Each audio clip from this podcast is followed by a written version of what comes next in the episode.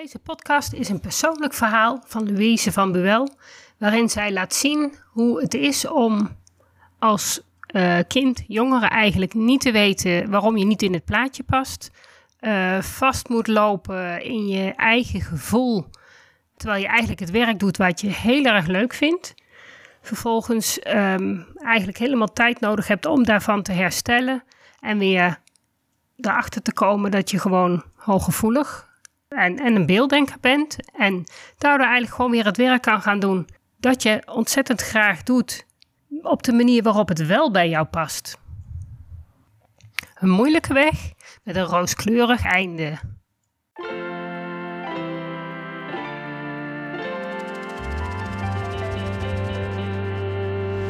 Welkom bij de Beelddenkers Podcast. Ik ben Natasja Esmeijer van Beeldig Brein en de schrijfster van het boek Beelddenkers als kwartjes vallen. Ik neem jullie mee in de wereld van de beelddenkers.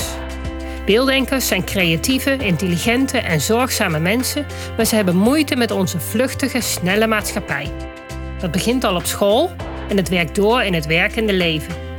Ik ga in gesprek met leerkrachten, ouders van beelddenkers en met de beelddenkers zelf natuurlijk.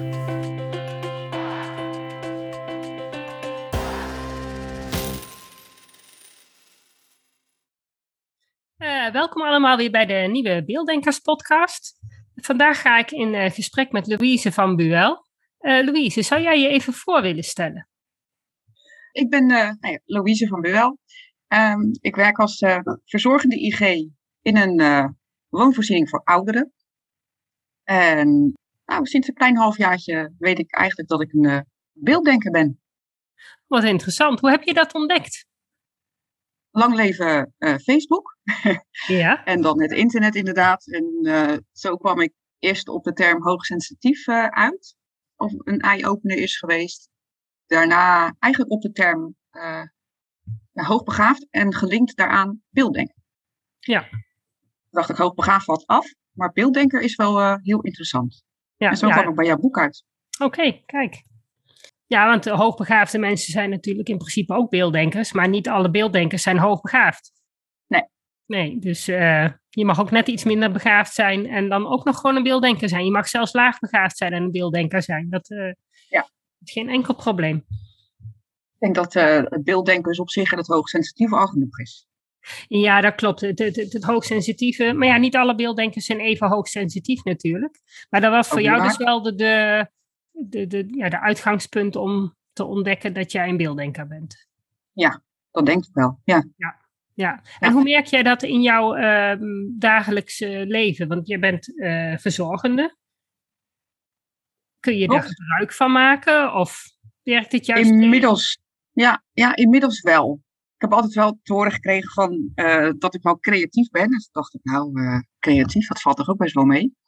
Um, maar waar ik vooral tegenaan liep, waren dingen van uh, dat ik niet goed begreep dat mensen het niet zagen zoals ik het zag. Oh ja.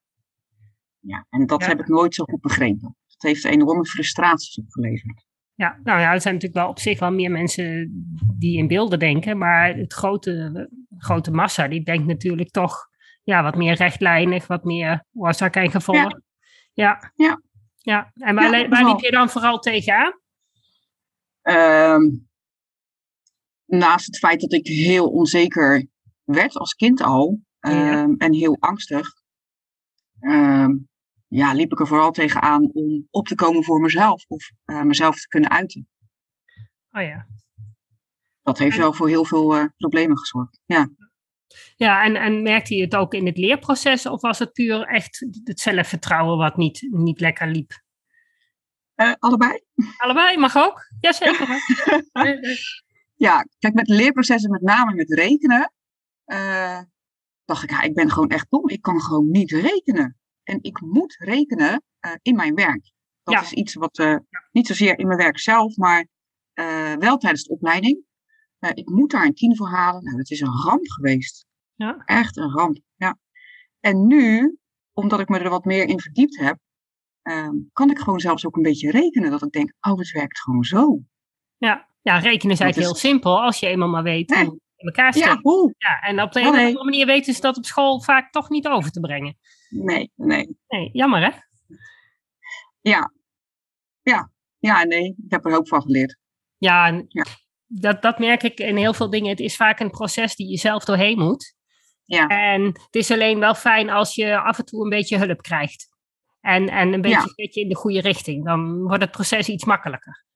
Ja, ja. Ja. ja, ik geloof dat ik. eh we moeten ieder twee, twee jaar of drie jaar een uh, bichtscholing volgen. En daar zit ook een verplichte rekentoets in. Ja, ik lig daar echt nachten van tevoren al voor wakker. Ja. Ja, maar ik geloof nu dat minder? er nu. eh, Nu, nu, nu, Ja, ik denk dat ik het nou wel ga begrijpen. ja. Ik denk zo, ik kan gewoon rekenen.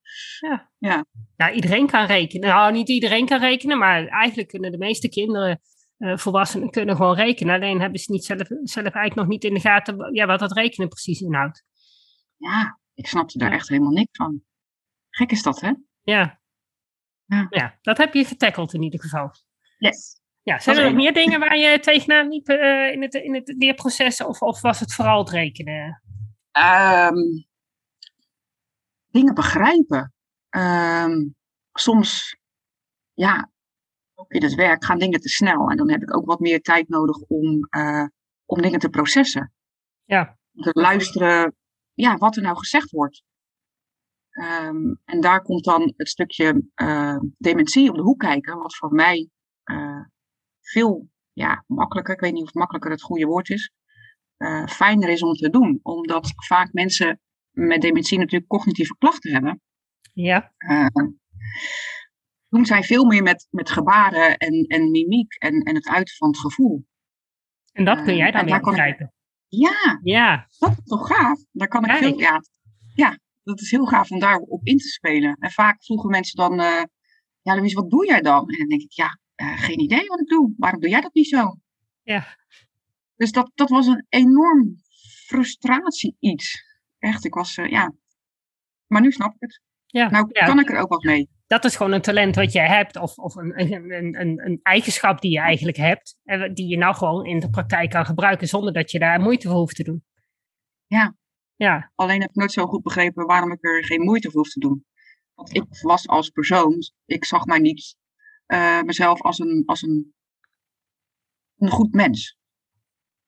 En wat bedoel je? Bedoel je, je goed als eh, dat je goed kan presteren? Of, eh, Ja, ja, ja. ook. ja, Nou, meer als mezelf als, als, een, als een slecht mens. Bestaan uit, op een gegeven moment bestond ik alleen nog maar, denk ik, uit, eh, uit boosheid en frustratie. oké. Ja, ja, dat is niet fijn. Nee. Nee. En wat was daar de reden van? niet, eh, Gewoon het, het feit dat je niet, eh, dat je je plekje niet kon vinden? Ja, met name in de wereld, maar ook in mezelf. Ja. Dat je eigenlijk steeds in de buitenwereld aanloopt tegen dingen die je van jezelf niet begrijpt. En die je van jezelf Ja. verwacht dat je ze zou moeten doen. Of zou moeten kunnen. Ja. Op een gegeven moment ga je helemaal in je hoofd zitten in plaats van in je lijf. ja, dat hoor ik heel vaak bij volwassenen beelddenkers. Dat je als kind eigenlijk ehm, het, eh, een, een bepaalde kant op gedrukt wordt. Gewoon, de Ja. maatschappij, die heeft een bepaalde verwachtingspatroon van iemand. Ja, ja. En daar probeer je aan te voldoen, maar dat lukt niet. Nee, En dan disconnect je met je eigen gevoel. ja, nogal. Ja. Omdat je dan, ja, dan heb je daar tenminste niet zoveel last meer van. En dan kun je tenminste dat stukje wat je over hebt, kun je gebruiken om dat toch nog alles te beredeneren hoe je het zou moeten doen. Ja. Ja, terwijl dat niet de manier is waarop jij eh, moet functioneren. Want jij moet functioneren vanuit je gevoel. Ja. Ja, en dat is waar jij heel goed in bent. Heb je dus nu ontdekt. Ja, maar dat dacht ik niet. Ik denk, gevoelens en ik gaan niet samen, rechterweg op.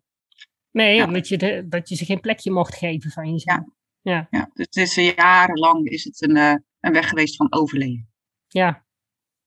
Ja, ik zie dat vaak hoor, dat overleven. Ja, dat En het is ook best inderdaad- nog, nog wel een proces om eh, dat overleven los te laten en weer te gaan leven. Ja. Om daar het vertrouwen Ja. in te hebben dat dat ook kan en mag. Gelukkig ben ik daar nu. Ja, kort. ja dat is, dat is Ja. wel heel fijn. Ja. Ja. ja, en dat proces zal best nog wel doorgaan. Ja, dat geloof ik ook. Ja. ja, dat, dat staat niet stil. Nee, dat kan het niet, hè? Dan zou Nee. het, eh, Dat hoeft ook Nee. niet. Nee, Nee. nee, zes staat nooit stil. nee. Dus ja, Daar ben je nu. Als een enerverende weg. Ja, Ja. Ja. dat geloof ik. Maar goed, dat, dat ehm, ja, heeft mij uiteindelijk wel gebracht naar, een, eh, naar de opleiding voor de stervensbegeleiding. Ja, oh, dat klinkt wel heel mooi.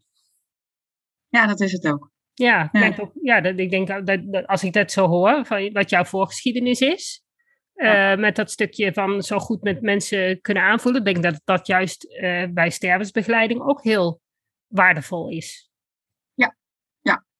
Ik denk dat dat wel een, eh, nu een grote kracht is geweest. Hoewel het normaal gesproken die gevoeligheid ehm, natuurlijk een enorme valkuil is geweest. Ja, omdat hij Ja. er niet mocht zijn. Of eigenlijk omdat je niet wist dat hij er was en dat, hij, Nee, dat je hem eigenlijk ook nodig had. ik had altijd zoiets van, ja, weet je, waarom raken mij zaken nou zo intens? Echt op, nou, tot buiten mijn tenen misschien nog, maar, eh, eh, en andere mensen niet. Weet je, dat, dat, dat begreep ik gewoon nooit. Dus je krijgt dan altijd nu natuurlijk te horen van, je bent te gevoelig of eh, je trekt je alles te veel aan. En stel je niet aan, word eens wat harder. En, ja. Ja. Dat heeft ook ervoor gezorgd dat ik flink depressief ben geweest, met alle gevolgen van dien, en uit de zorg moest. Ja. Op een gegeven moment. Ja, want anders dan wordt het op een gegeven moment veel te veel. Dat, dat, dat, dat trek je niet. Met het ook, Ja, Ja. ja. niet meer. Ja. Nee. Nou ja, en als jij in ouderenzorg werkt, het is wel de laatste levensfase van mensen. Dus er overlijden, overlijden natuurlijk ook regelmatig klanten bij jullie. Absoluut. Ja, Daar wordt natuurlijk bij het leven, maar daar moet je Ja. wel mee om kunnen gaan. Ja, gek genoeg kom ik dat aan de ene kant ook wel. En aan de andere kant, ehm, ja, juist omdat ik natuurlijk niet bij mijn gevoel kon zijn, eh kostte het ook eigenlijk te veel. Ja, daar kan ik me iets bij voorstellen. Ja. Als, als je het met je gewoon je eigen hele lijf kan, kan doen, dan kun je, dan, dan kun je het gewoon eh, een plek geven. Maar als je het met de helft van je lijf moet doen, ja, dan Het gaat als niet te doen. nee. Nee. Nee. En hoe lang ben jij eruit geweest? Eh, vrij lang. Ik was ehm 15 toen ik ongeveer toen ik de zorg inging en 22 toen ik in de WO terecht kwam. Doordat Dat ik depressief jong, werd. ja.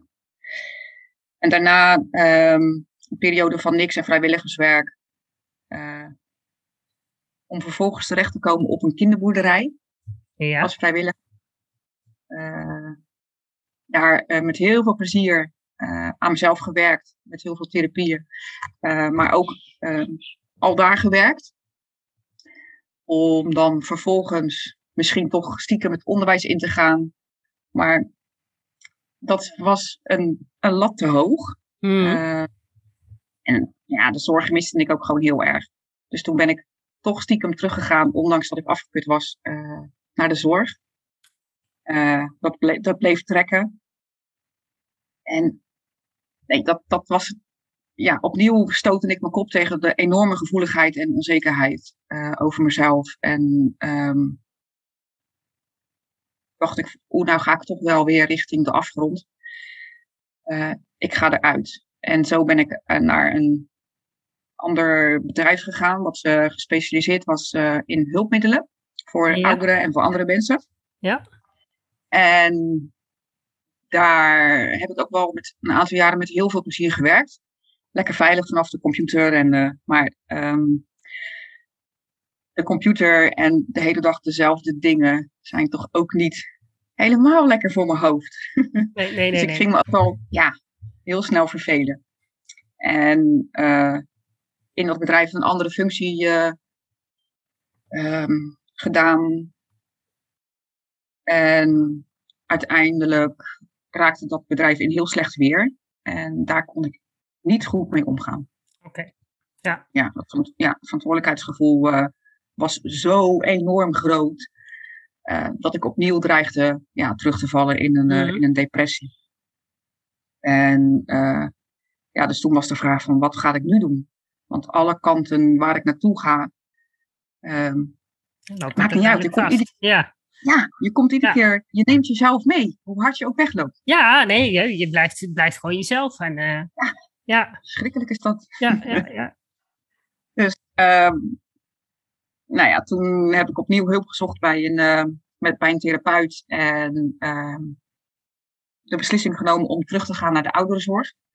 Eh, dan weliswaar, gelukkig kwamen toen ehm, de particuliere huizen zeg maar steeds meer eh, ehm, eh, opspelen, hoe zeg ik dat? Ja.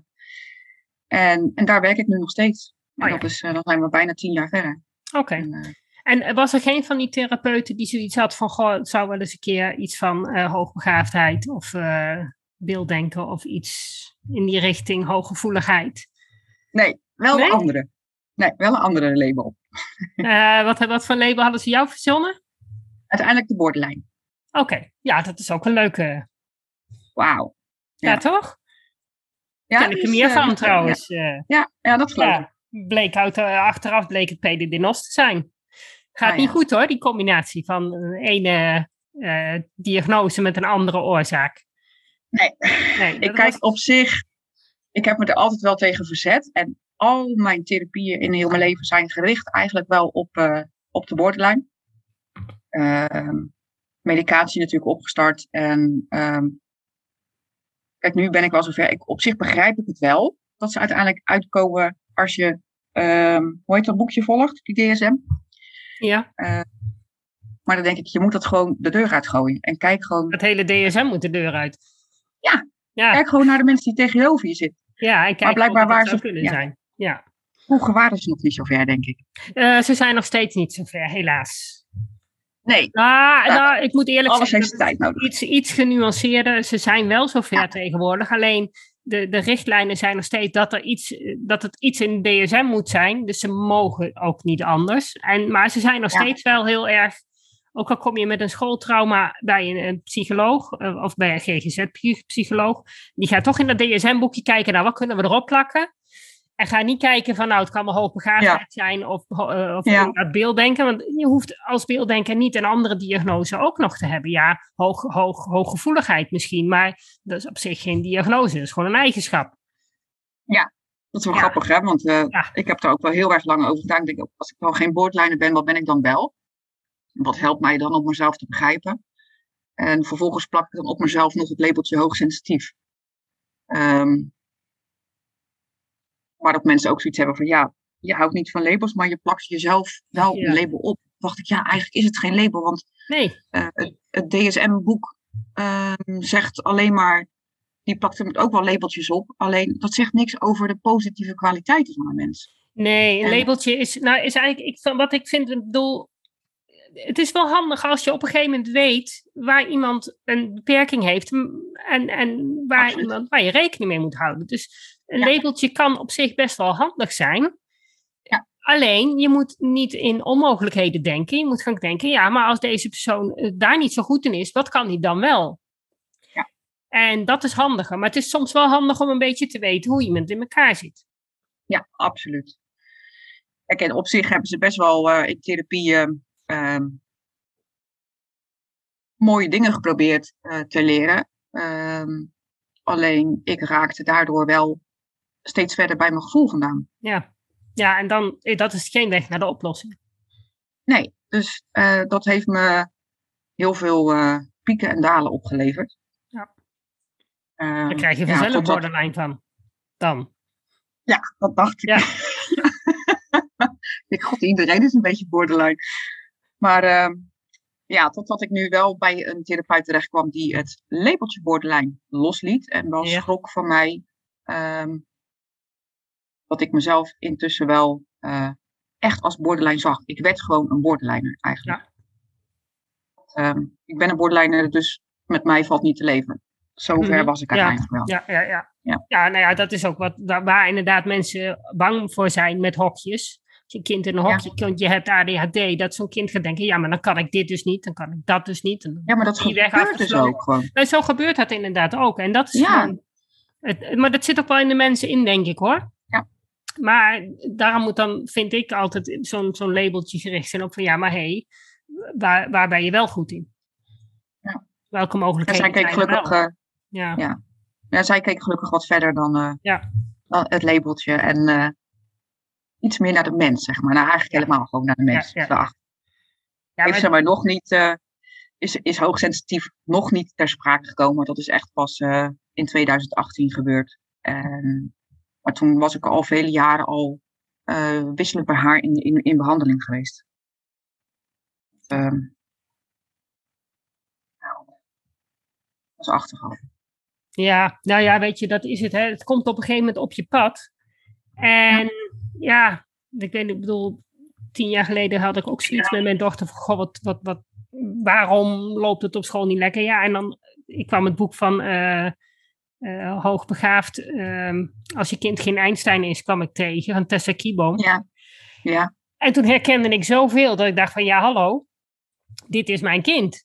Maar totdat uit een van de leraren inderdaad um, zei van, goh, maar jouw kind is een beelddenker. Toen kon ik dat stukje hoogbegaafd loslaten. Dus ze was slim zat, maar ze was niet hoogbegaafd. En, maar dan weet je in ieder geval welke hoek je moet denken. En toen was dat beelddenken verder allemaal, ja, daar ben ik natuurlijk zelf mee aan de gang gegaan om dat verder te nuanceren. Maar um, ja, het is dan op een gegeven moment wel fijn dat je weet in welke hoek je moet denken. Ja. En dan kun je gaan kijken, ja, maar hoe kan het dan wel? Ja, want dan kan je dus je mogelijkheden gaan zien. Daarom. En, en dat heeft mijn dochter heel erg geholpen. Dat, zij draaide ineens om van ja, hey, van, ze, had, ze liep ook best wel tegen dingen aan. En toen ineens merkte je dat ze ja, er vrede mee had, zichzelf geaccepteerd had en gewoon verder ging. Wauw, ja. En dat is natuurlijk wel prettig als je dat als kind gewoon aangedragen krijgt.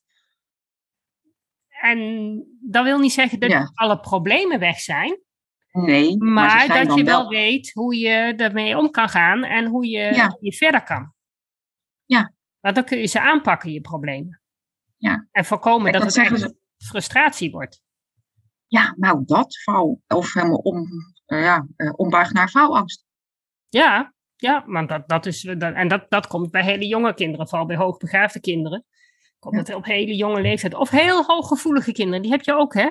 De ene beelddenker is hooggevoeliger dan de andere. En sommigen zijn zo gevoelig dat ze alles, zeker dat rechtvaardigheidsgevoel, als het zo hoog is, dan is alles wat ze fout doen, ja, dat zien ze gelijk als falen. En ja, dan op een gegeven moment is het ook niet fijn meer om, om, om nog ergens aan een, op, ja, een moeilijkere opdracht te beginnen. Nee, dat dus. En ik denk dat dat wel bij mij uh, gebeurd is. Ja. ja. ja. Wat heel frustrerend, denk ik, ook geweest is voor mijn ouders. Dat denk ik ook. En voor je ouders was het waarschijnlijk ook, ja, die wisten het ook niet. Dus die nee, want nee. ook maar gokken. En, en die hebben waarschijnlijk ook hun best gedaan. Absoluut, ja. En, ja. En zeker, nou ja, toen jij jong was, was er inderdaad echt natuurlijk nog een stuk minder bekend. Uh, Dat is het voordeel van nu. Als je nu je kinderen opvoedt, ja, er is wel al veel meer op de markt natuurlijk. Als je nu gaat ja, googelen, dus... kom je wel veel meer tegen. Ja, toen was er ook nog geen internet. Nee, er was nog geen Google, dus dat konden ze ook niet. Nee, nee, nee, zeker. Was nee. het wel lekker rustig, maar ik had het toevallig laatst oh, met een paar tieners ja. over. Oh, een paar, paar, studenten hadden we bij ons. En, en ja, ik zei toen wij een, een studenten zo'n zo afstudeeropdracht moesten maken. Wij hadden alleen een bibliotheek. Ja, er was inderdaad. helemaal niks op. Oh ja, dat nee. was, vonden ze toch wel heel erg in, interessant hoe dat dan geweest moest zijn. En dan moest je nog inderdaad uh, ja, knippen en plakken. En, uh, ja, ja, Geweldig. Echt. Kopiëren. Ja. ja. Nou, hou op. ja. ja. Het leven toch een stuk makkelijker geworden. Ja, toch? Ja, zeker. Ja, ja, ja. Maar goed, uh, even terug naar de, naar de stervensbegeleiding. Want dat, daar ben jij met een opleiding bezig. Ja. Ja, en um, heb je die bijna af? Uh, halverwege ben ik nu. Ik ben in oktober vorig jaar gestart, uh, gestart en het duurt tot juni dit jaar. Uh, we gaan maar één keer in de maand. Oh, dat is dan niet zoveel, nee. Nee, maar dat is meer dan genoeg. Oké. Okay. Geloof mij. Ja. Want het is ontzettend, en dat zeiden hun ook, het heet ook niet voor niks intensieve omgaan met sterven. Zo heet mm. de opleiding ook echt. Um, ja, het is heel, het is pittig. Want je, daarnaast werk je natuurlijk ook ja. Nog. En ja, heb je ook gewoon je leven. En um, het, is een, het is een hele dag op zaterdag. Ik zit dan in de, in de groep van zaterdag. En er gebeurt gewoon ontzettend veel. Met je energie, in jezelf, alles. alles. Ja. Nou ja, en zeker als jij hooggevoelig bent. Uh, er zullen ongetwijfeld daar emoties uh, boven komen drijven. Ja. ja. En die pik jij natuurlijk ook op. Ja. Of heb je daar niet zoveel last van? Um, heb ik last. ja, ja, ja. Ja, ja nee, maar ik bedoel, dat is wel iets waar, waar, waar jij dus op dit moment last van hebt, tenminste tijdens die opleiding heb je daar last van, wat je straks wel kan, heel goed kan gebruiken op het moment dat je die, die mensen dat laatste stukje begeleidt. Dan kun je, zonder dat zij alles hoeven uit te leggen, kun jij al voelen hoe ze ervoor staan. Ja, en dat, dat is soms heel, dat heb ik nooit zo goed begrepen hoor, waarom ik dat dan uh, sneller kon waarnemen uh, dan, dan, ja, dan iemand anders.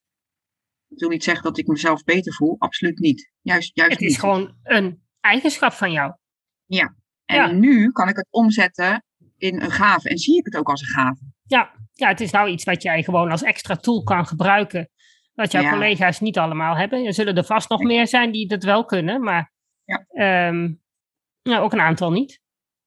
En heb jij nou ook, uh, want dat zul je natuurlijk ook wel gaan meemaken. Zoals mijn moeder, die, die is ook heel oud, en, maar dat is ook een echte beelddenker. En ja, weet je, die is altijd met, met, met, met, met zichzelf bezig en met uh, hogere dingen bezig. En die wil ook echt bewust sterven. Um, en er zijn mensen die zeggen van nou, um, doe mij maar een beetje extra morfine en dan zorg ik dat ik het allemaal niet weet.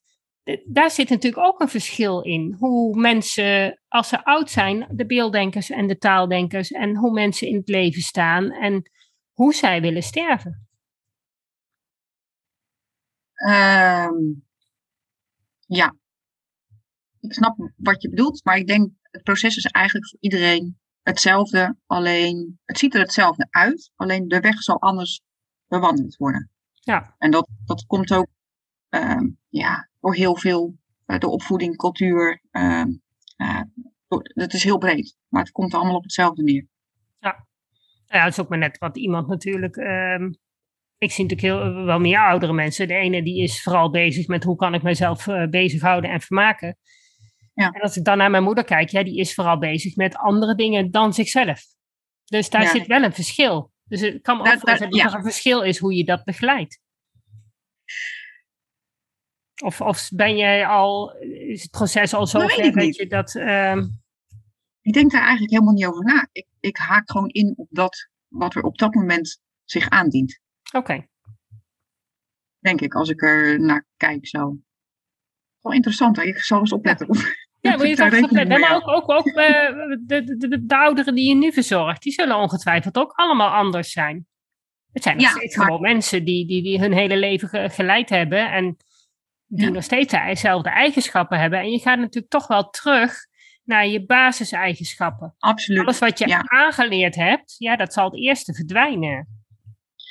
Ja, volgens mij stelde ik jou die vraag. eh, van, kunnen mensen met dementie sneller last krijgen van waan en hallucinaties? Ja, als ze beelddenker zijn, Ja, hè? ja, ja. ja. Ja, dat heb, dat- ja, daar heb ik kan ik geen- natuurlijk geen zinnig antwoord op geven, want daar heb ik verder nooit. Daar is denk ik ook helemaal geen onderzoek naar geweest. Want het fenomeen beelddenken is natuurlijk nog zo nieuw. En het zal zeker niet bij de Ja. ouderen. eh, misschien Erik Scherder dat hij zich daar eh, mee bezig heeft gehouden. Maar die, die houdt zich niet specifiek met beelddenken bezig. Dus is dan wel met Nee, maar ouderen misschien kent hij wel die term. Maar Ja. misschien dat er wel andere mensen zijn. Ik ga speuren in mijn, eh, Ja, mijn LinkedIn eh, eh, connecties. Of iemand daar antwoord op weet. Ja. Want ik denk wel, toen ik die vraag aan jou stelde, toen dacht ik, ja, als mensen nou beelddenkers zijn, zouden ze dan, zouden dan wij, als om, mensen die er omheen staan, sneller denken dat ze wanen hebben en misschien helemaal geen wanen hebben. Nee, ik denk dat dat ook heel veel fantasie is en associaties. En eh, ja, die beelden die ze, die ze beschrijven misschien. Ja, ik bedoel, een, een, ik ben ooit eens een keer met mijn moeder naar een, eh, een klankschalenconcert geweest. Ja. En ja, dat is prachtig. Maar goed, ik als taaldenker, ja, ik hoor die mooie, die mooie geluiden en zo. Er gebeurt verder in mijn hoofd. Ik vind dat prachtig, maar er gebeurt verder niet zoveel. En toen was het dus ook een meneer, en die was echt, nou, hij had toch echt zo'n zo'n boeddhistisch kleed aan. En hij was helemaal, eh, nou ja, van de lange haar en, en, en nou, op zijn Ja. slippertjes. Dus En die beschreef toch prachtige verhalen van ik was aan het strand en op een gegeven moment was ik in Oh, het wauw. oerwoud. En, dus die had dat helemaal beleefd. Geweldig. Ik Zou ik ook doen. van, prachtig, ja, maar dat is wel een hele andere beleving van iets wat je, wat hetzelfde, we hebben Ja. hetzelfde gehoord. Maar die Ja, maar dat zit- beleving is zo anders. Ja, dat zit helemaal in je. Dat is Ja. gewoon vaak, ja. Je wil soms niet weten. ehm, dingen die ik al gewoon al zie aan eh, gezichten overal in voorwerpen. Is soms, ik heb gewoon soms de grootste lol met mezelf. Ja, fijn toch? Of mensen zeggen ook inderdaad, ook, jij ziet ook altijd alles. Ja, ja, ja. Ja, ja. Maar mag ik jou iets vragen? Ja, tuurlijk. Hoe kan je nou als eh, taaldenker een beelddenkerspodcast gaan doen? Nou ja, omdat ik het gewoon eh, heel erg interessant vind aan de ene kant. Ik heb natuurlijk, mijn man is een beelddenker en mijn dochter is een beelddenker. Mijn andere dochter heeft autisme, is geen beelddenker. Dus ik heb een maatje in huis. Eh, en natuurlijk heel veel klanten en collega's en iedereen zijn beelddenkers. Maar ik vind het gewoon heel interessant. En wat, wat ik merk is, ik heb natuurlijk...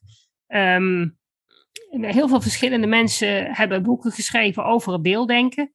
Alleen dat doen ze allemaal uit- vanuit hun eigen oogpunt. Zo, ervaart, zo ervaren zij het beelddenken. En dat, dat blijft een eilandje. En eh, sommigen doen het over dyslexie, anderen over de hooggevoeligheid. Maar een compleet verhaal kreeg ik eigenlijk niet. Dus ik wil dat rationeel verklaren waarom het nou zo anders is. Dus, Ja, nou, dat heb je goed gedaan. Ja, dus dat, dat is wat ik gedaan heb. Dus ik heb gewoon van heel veel boeken. Ik heb natuurlijk ook wat dingen zelf eh, nou ja, samengevoegd en zo. Esther Bergsma heeft een grote bijdrage aan mijn Ah. kennis geleverd. Ehm, mooi, mooi. maar uiteindelijk had ik wel zoiets, ja, maar nou heb ik nog steeds niet het complete verhaal. En dat heb ik zelf nodig om te kunnen uitleggen waarom ik mijn klanten kan helpen. Want ik had zoiets van, nou ja, voor die beelddenkers is er gewoon niks. Want op school word je alleen als beelddenker geholpen als je eh, slecht genoeg scoort. Ja, dan krijg je een rugzakje, denk ik. Dan krijg je een rugzakje, dus dan krijg je extra hulp. Maar op het moment dat jij dus goed genoeg scoort, oftewel de intelligentere beelddenkers, hoef je er niet eens hoogbegaafd voor te zijn, die krijgen dus geen hulp. Ik zie, ja hallo, Nee. die kinderen die hebben juist zoveel potentie, maar krijgen niet de hulp waardoor ze wel kunnen laten zien wat ze kunnen. Nee, omdat ze eigenlijk niet vastlopen tussen aanhalingstekens. Ja, ze lopen wel vast, maar Ja. ze kunnen het nog compenseren. Ja, wauw. En toen had ik zoiets ja, maar... En ik kreeg dus in mijn, klant, in mijn praktijk kreeg ik steeds meer klantjes... waarvan ik zoiets had van, ja, ik zie wel dat er hooggevoeligheid bij zit. Maar ik zag het verband nooit. Ik zag nooit hoe dat nou in elkaar stak. En toen, nou ja, ik heb natuurlijk zelf mezelf... dacht ik, ja, ik had een rekenprobleem bij een kind. dacht, nou, dan ga ik maar aan het rekenen. Hoe zit het dan met dat rekenen? Nou, de cursus gevolgd en... eh, en nou ja, Stomme rekenen. ja, dat stond rekenen. Ik dacht, ja, maar hoe zit het nou? Want ik kreeg weer een klantje en die had, die, die, die, die had heel veel problemen met die werkrichting. Ja, ja, hoe zit het nou met die herkrichting? Nou ja, die is daar maar weer wat, eh, een boek over gelezen, weet je wel. En zo had ik zoiets van, ja, maar beelddenken is niet alleen in plaatjes denken, of in beelden Nee. denken, concepten denken. Het is heel veel. Je moet alles bij elkaar pakken. Ja, ja ik, ik was super blij met je. Want ehm, zelfs ik kan het, eh, jouw uitleg gebruiken op mijn werk. Ja. Om dementie uit te leggen. Ja. Super. Echt, eh, dus ik Ja. ja. ben helemaal blij mee. Ja, dus leuk, leuk dat, dat, ook, eh, dat dat ook nog kan. Ja.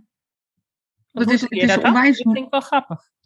Ehm, nou ja, goed. De, kijk, er zijn natuurlijk ook hele eh, goede boeken. Maar net als wat jij beschreef, eh, of nu net zegt, ik kreeg mijn plaatje niet compleet. Mhm. Ehm, kijk, er is natuurlijk een, eh, een hele mooie theorie. En ik ben een ramp met name. En ik ben, gewoon eh, Anneke van de Plaats. die natuurlijk hele mooie boeken heeft geschreven daarover. Hoe je brein werkt, waar, hoe je geboren wordt. En dat je, wat ze toen al zeggen, eigenlijk in eerste instantie dan al in beelden denkt als kind. En hoe zich dat dan ontwikkelt. En hoe ehm, je hersenen zich ontwikkelen Mhm. met hoe ouder je wordt. Ja. Ehm, maar toen dacht ik, ja, op zich begrijp ik dan wel, als jij natuurlijk eh, dementie krijgt, dat, ehm, dat je dan teruggaat natuurlijk naar de, naar, naar, naar de beginfase. Maar dan nog zit ik nog met een aantal vragen die niet kloppen. Ja. Ik kan, ik kan het niet uit, ik ja, het waar, waar ik het ook niet helemaal mee eens ben, is dat, dat, dat er dus algemeen wordt aangenomen bij heel veel studies en boeken, en dat dus alle mensen als beelddenker beginnen. En dat is natuurlijk niet waar. Want Ik weet niet. Ja, nou dat ja, weet je, eh, ik, ik, ik, ik, ik, ik, heb het, ik heb het idee dat het anders is. Je bent dus of een beelddenker of een taaldenker, maar je hebt, denkt nog niet in beeld. Je denkt ook nog niet in taal. Een taaldenker, ik bedoel, een kind, een beelddenker gaat toch ook nog met rond een jaar, anderhalf jaar praten? Zou die dan geen taal hebben? Ik bedoel, dat, die Nee, maar ontwikkeling blijft hetzelfde. Maar je bent sensorisch ingesteld. Dat is wat Mhm. anders dan dat je in je hoofd plaatjes moet maken en aan het geheel denkt, of dat je met volgorde denkt. Dat heeft daar niks mee te maken. Dus je bent, ja, sensorisch, eh, op, op gevoel, op, op- je kan het allemaal nog niet plaatsen. Ja, dat betekent niet ja. dat we allemaal beelddenker zijn, als, als, als, als, als baby. Dat is wat anders. Ja, ze zeggen altijd eh, dat je Ja. als ziel, zeg maar, eh, ehm, alleen maar in beelden communiceert. Dus Ja, ongetwijfeld. Maar hoe communiceer je dan in beelden? Zend je het beeld naar de ander of zo? Ja. Ja, ja maar nee, ik weet het dat, niet. gaat, dat Nee. gaat denk ik net even te ver om daar, daar te Ja. zeggen dat alle mensen beelddenkers zijn en daarna taaldenker worden of zo. Dat kan niet. Moet je het boek van, ehm, hoe heet die? Eh, Davis maar eens lezen. Die beschrijft dat ook. Dat is een, een, een, een eh, hoogbegaafde autist. En hij heeft dus ook beschreven hoe hij zegt: ja, weet je, een, een beelddenker in wording, laat maar zeggen, een, een jonge Ja. beelddenker, die ziet ook een stoel. En, en, en die ziet ook. Ja. eh, maar die taaldenker, die ziet diezelfde stoel. Maar die denkt daar wel andere dingen bij, bij die stoel.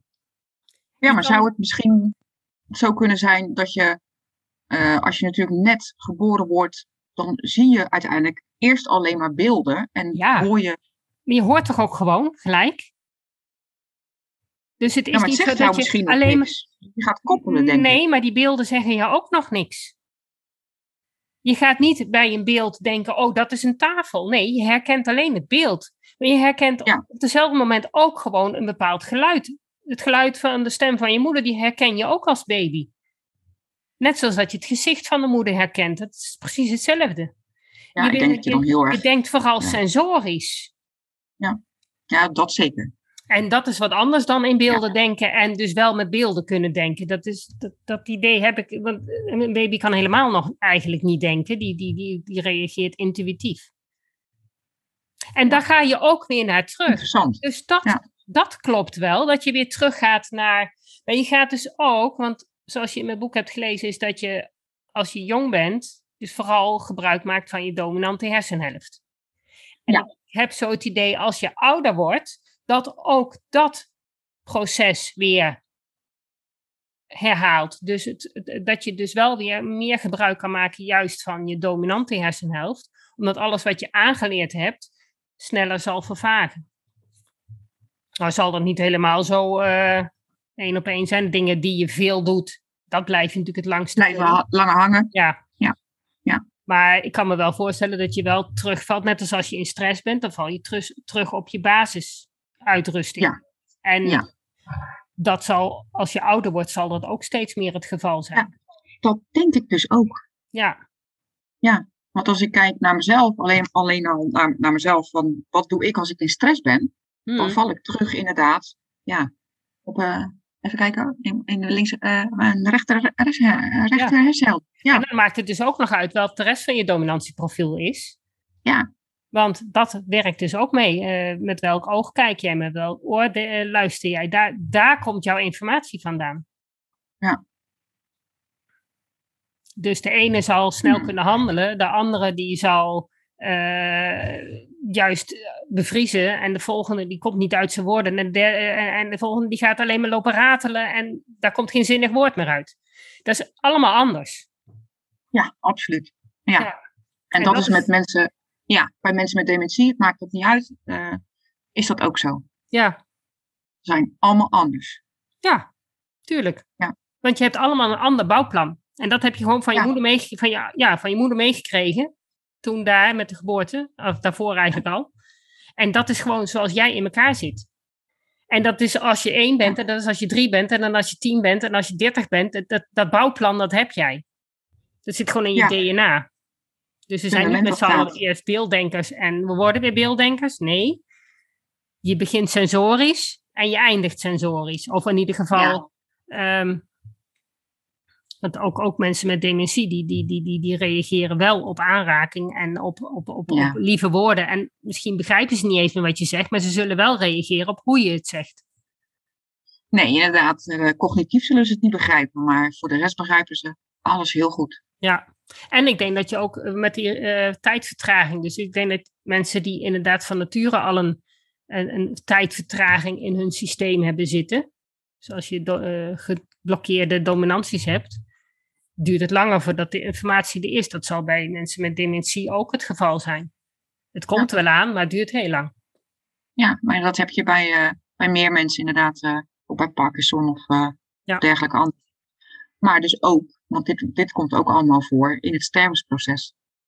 Ja, ongetwijfeld. Ja. ja.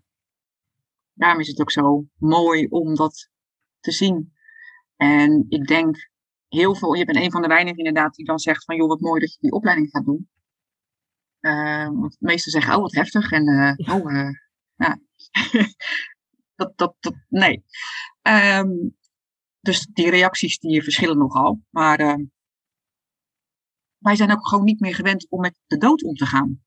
Nee, dood mag er eigenlijk niet zijn, want iedereen wordt nee, gewoon in leven gehouden. Terwijl, ja. weet je, de dood hoort er ook bij. Absoluut. En, Daar ontkom je niet aan. Nee, en, en dat laatste levensjaar is vaak niet meer zo'n pretje. Dus uh, waarom kan? Kan wel. Ja. Maar ja. Bedoel, het is niet zo dat je nou zegt van we moeten eeuwig leven met z'n allen. Oh, hou op. Ga ik echt niet doen. Nee. We hoeven het ook niet te helpen. Maar ik bedoel, het, het, kan wel gewoon, op een gegeven moment mag het ook gewoon een keer klaar zijn. Het mag een keer klaar zijn. Ja, ja toch? Ja. ja natuurlijk begrijp ik dat je mensen helemaal niet wil missen. Bedoel, nee, natuurlijk. En, en, en dat gemis mag er ook zeker zijn. Je mag ook best verdrietig zijn als je, je oma van 100 is overleden. Maar aan de andere kant moet je ook zeggen van nou, ze heeft een mooi leven gehad en het is mooi. En, en ja, dat, dat was gewoon goed zo. Ja. Blijft een mooi iets, bijzonder iets. Ja, ja want dat, ook dat is natuurlijk wel hoe de familie is, kijkt wel terug op dat allerlaatste stukje hoe dat gegaan is. Dat is wel iets wat, wat vaak uh, heel erg... Maar, dat doe je nou echt maar één keer? Dat doe je echt maar één keer. En, en, maar het blijft voor, de, voor de, de nabestaanden is het wel een intense periode die je wel heel goed blijft herinneren hoe dat gegaan is. Dus als dat goed begeleid wordt, is dat wel uh, prettig. Als daar allemaal randvoorwaarden niet kloppen of dingen fout gaan. Of hadden we maar zus of hadden we maar zo. Dus daar moet, moet je helemaal niet mee bezig zijn. Je moet op een gegeven moment, nou ja, het is gewoon zo en we zijn er klaar voor. Ja. En dan kun je er veel fijner op terugkijken. Dat hoop ik wel dat we dat kunnen bereiken voor mensen. Ja, ja toch? daar gaan we wel vanuit. Ja. ja. ja. Nou, ik vond het een mooi gesprek vandaag. Dank je, ik ook. Ja. Het viel eigenlijk zo mee. Ja, nou, dankjewel. Ja, jij ook bedankt. Dat was het weer voor vandaag. Bedankt voor het luisteren en superleuk dat je erbij was. Ik hoop dat je weer een beetje meer ontdekt hebt hoe gaaf, maar ook hoe lastig het kan zijn om een beelddenker te zijn in een wereld die is ingericht voor taaldenkers. Wil je meer weten? Lees dan mijn boek Beelddenkers als kwartjes vallen. Wil je op de hoogte gehouden worden van alle informatie die ik deel over beelddenkers in het onderwijs? Klik dan op de abonneerknop in je podcast-app. Wil je dat dan meer mensen op de hoogte zijn van hoe beelddenkers anders denken? Laat dan een review achter, zodat er steeds meer mensen in beweging komen om het beelddenken serieus te nemen.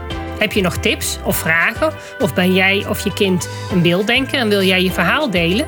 Laat het me gerust weten. Wil je als ouder of leerkracht echt weten hoe het allemaal werkt bij je kinderen of bij jezelf? Kom dan naar een van de cursussen. Duik helemaal in het onderwerp en kom erachter dat beelddenkers helemaal niet zo anders zijn en best in ons onderwijssysteem passen, als je maar weet hoe ze denken. Ik geef speciale cursussen voor ouders en voor professionals. Voor meer informatie ga je naar www.natasjaesmeijer.nl Samen gaan we voor een beelddenkvriendelijke wereld.